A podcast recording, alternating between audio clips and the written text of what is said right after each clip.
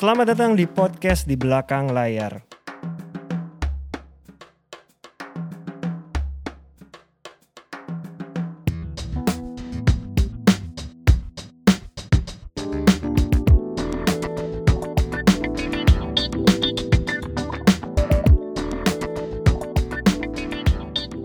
Halo teman-teman pendengar podcast di belakang layar. Apa kabarnya? Ini episode 15 dan tayang di penghujung tahun 2020 Mas Sulung. Oke, gue sih gini, kalau gue sih pribadi ya, gue itu kita memang harus percaya sih ya Dip ya, maksudnya kadang-kadang itu hal yang kita rencanakan itu nggak kejadian. Mhm. Tapi hal yang tidak kita rencanakan itu kejadian. Iya. Jadi contohnya itu kayak podcast kita aja nih di belakang layar. Hmm. Gue sih nggak kebayang sih ya, maksud gue nggak kebayang itu bisa kejadian tahun 2020 dan sampai sekarang itu bisa di episode ke-15. 15. Jadi buat gue itu itu satu apa ya, satu di saat situasi seperti ini di mana semuanya prihatin dan kita juga nggak tahu ini kapan berakhir, tapi ada satu pencapaian yang bisa kita banggakan gitu loh Iya. maksud gue. Karena kita bisa berbagi sesuatu kepada teman-teman yang pengen menjadi manajer artis. Iya. Nah itu sih kalau gue ya seperti itu. Jadi mungkin buat beberapa orang 2020 adalah tahun yang ada yang bilang kayak tahun yang harus di skip katanya gitu Mas. iya. Tapi beberapa orang ada yang 2020 tahun yang apa ya bisa dibilang positif ada Iya, juga loh yang menganggap gitu apalagi teman-teman yang misalnya di bidang memproduksi alat-alat kesehatan mereka mendapatkan rezekinya di tahun Luar 2020 biasa, kan. Luar biasa Nah, itu. Jadi luar memang biasa. 2020 ini adalah tahun menurut gue tahun amazing lah buat kita. Dan buat gue daripada kita membicarakan negatifnya di 2020, gue justru berterima kasih sama 2020. Kalau nggak ada ini kita mungkin nggak berpikir banyak. Jadi kayak apa ya? Kayak kita tuh mikir hidup lancar-lancar aja. Iya. Kan ada orang yang rencananya banyak banget, buyar semua di 2020 kan. Tapi ada juga orang yang rencananya mungkin short term aja jadinya akhirnya bisa merubah switching dengan apa yang terjadi di Nah, lu termasuk 2020. orang yang rencananya banyak atau yang going with the flow? Sebenarnya gue orang yang rencananya banyak. Gue tuh plan yang jangka panjang. Tapi ketika terjadi, mungkin kita kan terjadi di pandemi sebenarnya dari awal tahun. Tapi Betul. Indonesia di Maret lah ya mungkin. Iya, ya. Maret baru mulai. Ya. Maret, April atau mungkin sampai Mei itu masa-masa di mana gue berpikir berhenti sejenak menurut gue. Berhenti sejenak untuk ini rencana yang gue udah eh, bikin untuk masa beberapa tahun ini mungkin tidak akan terjadi. Atau ibaratnya harus kita postpone lah sementara. Terus gimana? Apakah gue harus panik? Apakah gue harus terus ibaratnya menangis-nangis karena rencana gue buyar? Enggak. Jadinya gue berpikir kita tunda dulu, kita bikin rencana jangka pendek, tapi kita simpan nih rencana jangka panjang. Suatu saat buku ini akan kita buka lagi. Jadi gue nggak berpikir untuk semua pokoknya dibakar aja dan kita batalkannya enggak. Tapi gue langsung merubah switching apa nih yang bisa gue lakukan dengan jangka pendek supaya gue tetap bisa hidup, talent gue tetap bisa hidup, kita bisa tetap menjalankan kehidupan dengan tanpa harus stres setiap bulan mikirin besok makan apa gitu kan. Ya. Dibanding karena gue lihat kalau kita terus-terusan negatif jadinya otak kita jadi nggak mikir kita harus ngapain gitu kan. Ya. Gue langsung berpikir loh pada udah solusi aja. Apa yang bisa kita jalanin dalam waktu dekat, jangka waktu dekat kita harus ngapain. Ya, kalau di- buat gua di tahun 2020 ya, gua sama seperti lu, Dip. Jadi gua tuh orangnya yang selalu planning. Jadi dari dulu tuh, Iya. dari dulu banget itu gua apa yang gua kerjakan selalu gua planning. Jadi planning jangka pendek, ke planning menengah, jangka panjang Iya. selalu ada dan dan harus targetnya harus achieve, achieve, achieve, achieve, achieve seperti itu. Iya. Dan selama ini kan semua berjalan fine-fine aja. ya Fine-fine memang aja. gini, dalam eh, ada lah pasti target yang nggak tercapai Iya. tapi kita ngerti oke nggak kecapai sekarang mungkin nanti tahun depan atau berapa bulan lagi kecapai Hmm. bisa kita ukur Iya. ya kan nah tapi kalau dalam situasi menghadapi pandemi ini yang bikin gua itu cukup gua merasa itu gua tuh cukup kaget karena gua perkirakan nih paling cuma dua bulan tiga bulan kita akan balik normal lagi kan seperti itu kan tapi dalam kenyataannya nggak seperti itu ya kan Mhm. sampai sekarang aja kita juga masih struggling kita juga masih masih semuanya bekerja sangat keras bagaimana bisa mengatasi pandemi ini kan bukan di Indonesia Mhm. tapi seluruh dunia Hmm. Nah, jadi begitu bulan Maret itu maksudnya mulai ada PSBB dan kemudian semua event, semua kegiatan ya kan, semua syuting film semua stop. Nah, itu buat gue juga gue itu cukup apa ya? Gue itu cukup merasa kalau mau dibilang khawatir iya. Hmm. Kalau mau dibilang anxiety ada. Iya. Ya anxiety itu Hmm. ada. Iya kan? Kemudian di sana itu gue ngerasa aduh, apa yang semuanya gue plan itu semuanya itu gak kejadian. Iya. Jadi lu kebayangkan maksudnya dari bulan Maret sampai bulan Juni malah, ya kan? Hmm. Awal Juni itu WhatsApp, telepon ataupun email yang masuk itu semua adalah postpone, cancel, Iya. postpone, cancel. Itu kan satu hal yang sangat stres ya kamu Iya, gue ya. iya. Maksud gue itu satu hal yang apa ya biasanya kita balance dong ini nggak jadi ini jadi ini jadi ini nggak jadi itu Hmm. Iya. kita kita sudah sangat terbiasa dengan hal seperti itu Iya, iya. nah tapi ini semuanya hampir nggak jadi semuanya Hmm, kan iya, kayak gitu iya, postpone betul. nah kita nggak tahu postpone-nya kapan Hmm, hmm. itu membuat apa ya satu satu beban kalau menurut gue satu beban dan juga ada satu kekhawatiran waduh ini kalau misalkan sampai 6-7 bulan lagi gimana nih Iya. gue bisa survive gak talent gue bisa survive gak kan Hmm, seperti itu hmm, hmm. ada kekhawatiran seperti itu itu terutama di bulan Maret sampai April karena kita nggak ke mana-mana di rumah. Betul, aja kan hmm. Nah dari sana itu gua itu karena banyak waktu untuk berenung, banyak waktu untuk berdiam dan kemudian banyak waktu untuk ngobrol sama diri gua sendiri. Jadi yang dari mulai dari awalnya yang stres, khawatir gitu Hmm. kan, kemudian juga, waduh ini nanti gimana gimana. Akhirnya kok juga ngomong sama diri gua sendiri. Pokoknya satu hal sih ya, satu hal yang paling penting adalah gua selalu percaya kita sebagai manusia itu kita udah diberikan kekuatan sama Tuhan, ya kan? Sesuai adalah- dengan kapasitasnya. sesuai dengan kapasitasnya dan kita diberi kemampuan itu untuk beradaptasi, untuk bertahan. Iya. Itu udah nature kita. Waktu kita lahir aja kita udah dikasih kemampuan untuk itu kok, untuk kemampuan bisa survive, bisa bertahan dan apa? Beradaptasi dengan situasi seperti apa pun. Nah, itulah yang menjadi motivasi gue, Dip. Iya. Pokoknya dalam situasi sesusah apa pun, sesulit apa pun, gue yakin gue dikasih kemampuan untuk bertahan, beradaptasi dan bagaimana untuk bisa adjust dengan situasi seperti ini dan untuk bisa survive. Iya. Nah, itu yang gue apa ya? Itu yang gue jalanin dan itu yang gue sampaikan juga ke talent-talent gue bahwa bagaimanapun juga pasti situasi ini pasti akan oke kita nggak tahu kapan selesai nih tapi pasti akan ada jalannya dan kita pasti akan ketemu nih jalannya itu gimana kita tidak bisa survive dan mereka tidak bisa berkarya seperti Iya. itu Karena mungkin tadi lu bilang banyak merenung. Kalau nggak ada kejadian ini mungkin kita jadi nggak merenung, Kita ker- berdiam. betul karena apa karena kita sudah apa ya orang bilang sudah udah organik iya. Pagi hari ini kita begini begini begini begini Iya. besok begini begini begini begini seperti itu dan itu kita jalani bertahun-tahun kan Iya. seperti itu kan gitu loh. Bahkan dengan adaptasi ini yang gue pikir adalah ya kita sih berharap ini adalah pertama kali kita kejadian dan terakhir ya. Iya, iya. Tapi kita kan nggak dengan ada keadaan kayak gini kita nggak pernah tahu. Mungkin saja terjadi kan kita nggak pernah tahu. Betul. Akhirnya jadi gue berpikir oke dengan kita berlatih adaptasi kalau amit-amit sampai kejadian lagi kita harusnya sudah berlatih. Iya, Harusnya kita sudah lebih siap gitu Iya. kan. Iya. Gue inget kejadian waktu bulan mungkin bulan Maret gue inget masih ada talent gue yang masih ada masih ada yang syuting film. Gue mapping tuh dari sembilan talent gue waktu itu gue lihat dari sembilan ini kira-kira mereka akan bertahan berapa lama? Kalau amit-amit kejadian nggak ada job sama sekali. selama satu tahun ini. Iya, Iya. jadi mulai Maret gue lihat, gue menghitung karena memang dari awal alhamdulillahnya gue sudah mengatur bahwa talent gue harus siap minimal hidup 3 sampai 6 bulan ketika tidak ada pekerjaan. Sama sekali. Iya, itu udah gue udah gue siapin. Tapi kan kalau memang bisa kita minimalisir lagi kan lebih baik. Ya. Jadi gue mapping, misalnya ada satu talent gue yang biasa syuting di TV. Ketika kejadian bulan Maret April syuting di TV tidak semuanya di stop kan. Gue coba apakah dia tetap bisa syuting di TV. Oke, yang ini masih ada syuting di TV walaupun kita tahu bahwa syuting di TV kan syutingnya yang dilakukan. Pembayarannya masih di belakang, tapi Ya. kita paling nggak tahu lah oh nanti dia ada pembayaran Akan dapat sekian. bisa hidup. Gue mapping lagi. Talent yang ini syuting filmnya mulai akhir Maret di postpone PSBB. Kita nggak boleh syuting lagi. Kira-kira bakal syuting lagi bulan apa ya? Kalau dia nggak syuting harus ngapain ya?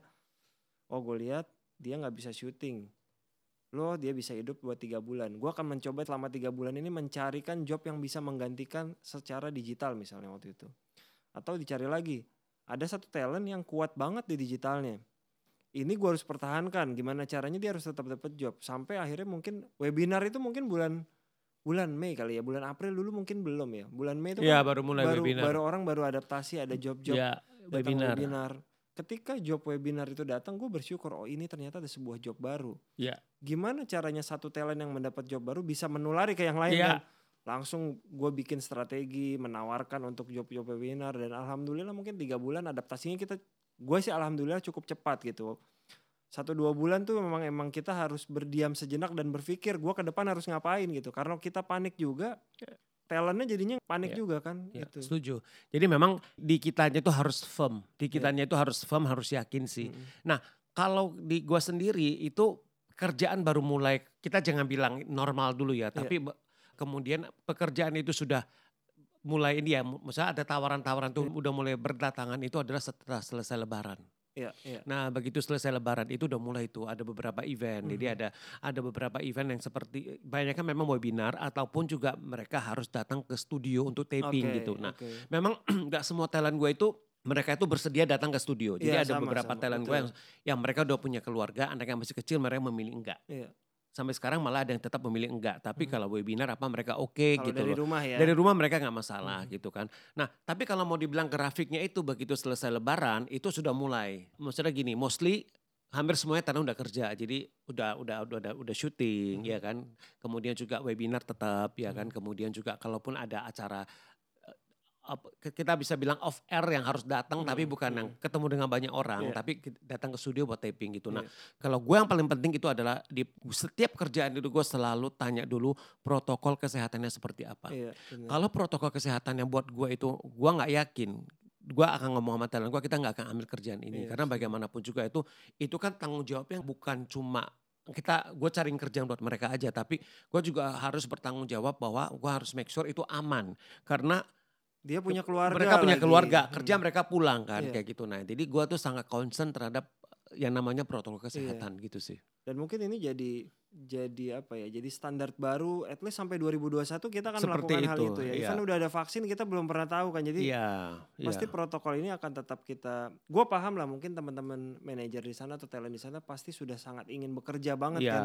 iya. Tapi menurut gue jangan sampai kita mengorbankan protokol yang jadinya gara-gara kita pengen banget kerja mengabaikan protokol malah kehilangan pekerjaan berikutnya. Setuju, iya itu benar sih. Iya kan? Jadi memang itu harus kita jadikan sebagai apa ya? Kita tuh harus firm sama hal itu. Jadi Iya. kalau memang protokol kesehatan yang kalau nggak jelas ya mendingan jangan ambil Iya. gitu loh. Karena hubungannya ke jangka panjang juga. Nah karena gini, kalau gue juga melihat sekarang itu banyak juga perusahaan-perusahaan IO-IO juga, Hmm, ya kan PH gitu. Mereka juga benar-benar sudah menerapkan protokol kesehatan yang iya. Oke banget gitu. betul. Maksudnya yang proper lah gitu Hmm, loh. hmm. Jadi kita juga ngerasa nyaman, kita Hmm. juga ngerasa tenang gitu bekerja seperti itu. Karena kalau mereka juga nggak disiplin, impactnya kalau talentnya kena akhirnya jadi nggak syuting, Nah, tidak iya, jadi betul. ngisi Mere- acara, iya, kan iya. Kan mereka berdampak juga berdampak seperti itu. juga. Iya, Iya. Jadi gue sih harapannya memang 2021 pihak brand IO ataupun PH memang disiplin masih diketatkan karena kita belum menyatakan bahwa COVID ini selesai kan Betul, pandemi belum dinyatakan betul. selesai. Jadi gini, apa yang kita ngomongin tentang 2020, Dip. Jadi Hmm. kalau boleh gua ambil satu kesimpulan adalah baik dari sudut gua ataupun sudut lu itu adalah kita sama sekali no regret. Kita tuh nggak Iya. men- kita nggak menyesali, kita tidak meratapi. Iya. Ya kan kemudian situasi seperti sekarang ini Hmm. gitu loh. Justru dengan adanya situasi pandemi itu kita malah ada lebih banyak waktu untuk apa? Untuk kita ngobrol sama diri kita Iya. sendiri. Kita ada waktu untuk untuk memperhatikan diri kita dan misalnya gini, lu juga udah punya keluarga, jadi Hmm. kualitas waktu, quality time lu sama sama Setuju, keluarga lu juga betul. jadi lebih banyak kan Mhm. seperti itu dan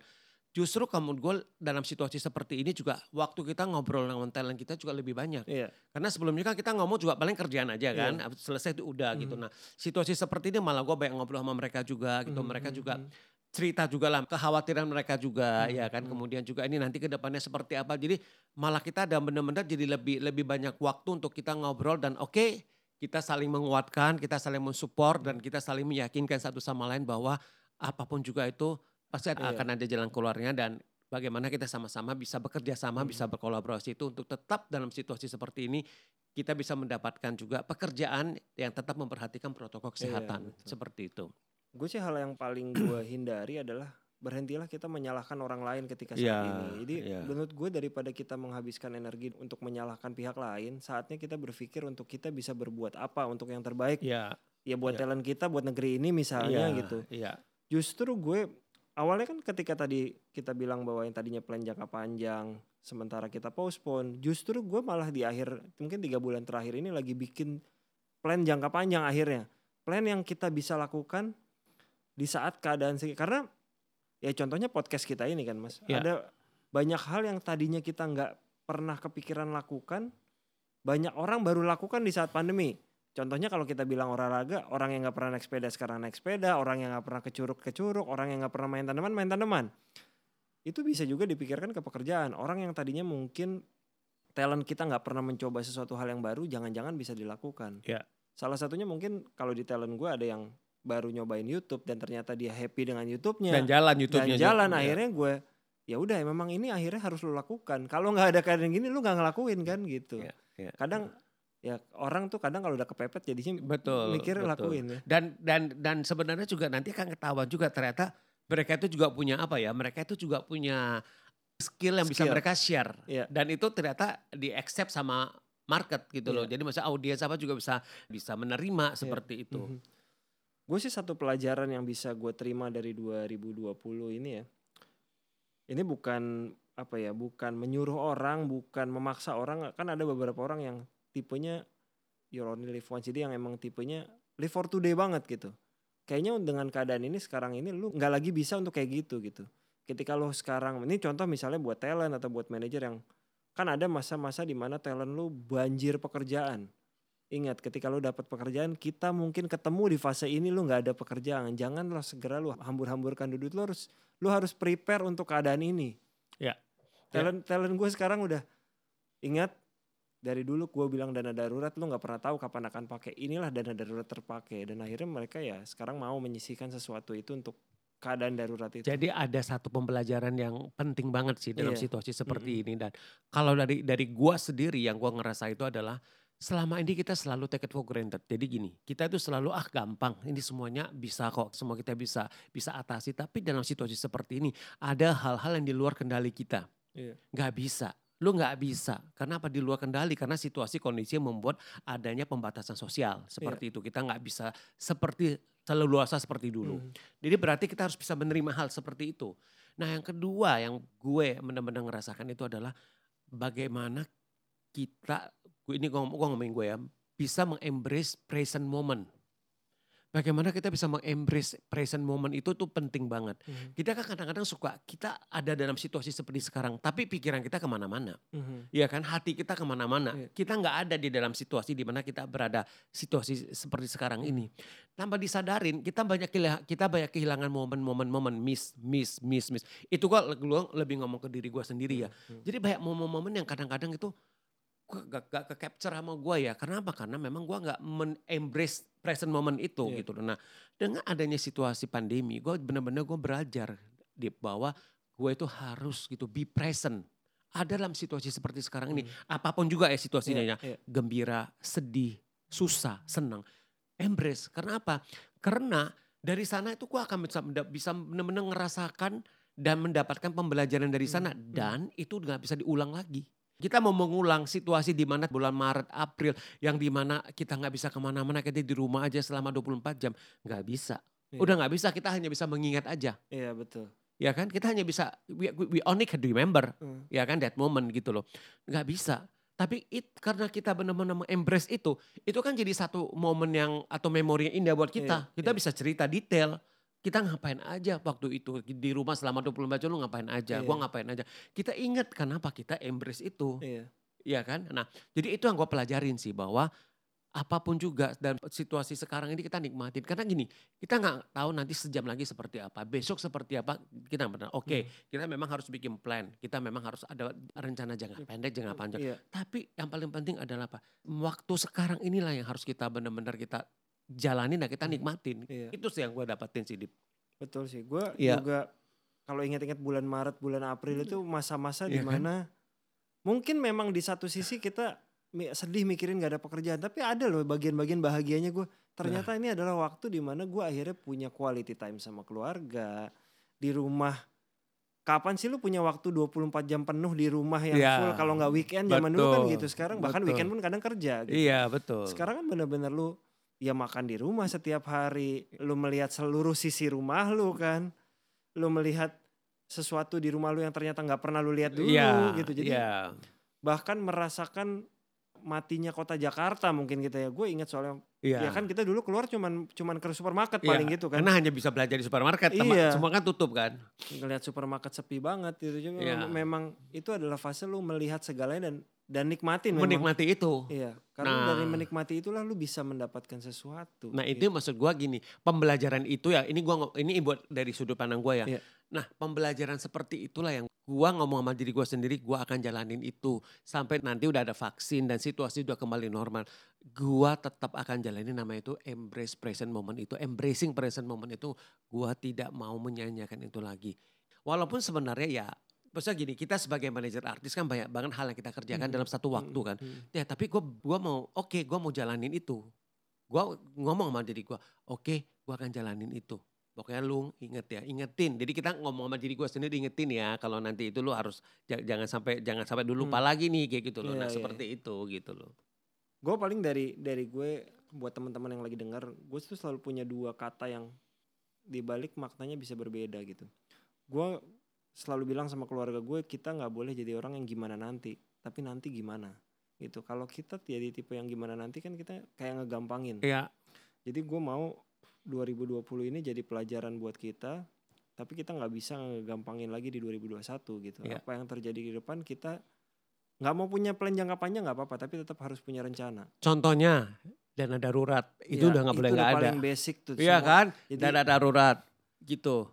Gue sih mungkin orang-orang kalau dengar kata darurat kayak lu browsing di mana pun pasti muncul lah kata-kata itu. Cuman kan orang ah udahlah nanti aja, ah udahlah udahlah gimana nanti kan jadinya begitu kan. Tapi Padahal- sebenarnya kalau kita mikirin lagi, apa yang bisa bikin kita bertahan selama kita menghadapi pandemi? Karena kita mempunyai dana darurat, Dip. Yes, Bener gak? betul. Kita kita bisa Setuju, bertahan. Betul. Itu yang bikin talent-talent kita itu bisa bertahan karena mereka punya dana darurat Iya. sebenarnya. Again, Gitu. makanya ketika kita punya banyak pekerjaan, lu Iya. jangan live for today Ya, ya. ya bener. Boleh bener. lalu di, disisihkan dulu buat Iya. keadaan yang kita Iya. nggak pernah tahu gitu. Iya, lah. bener.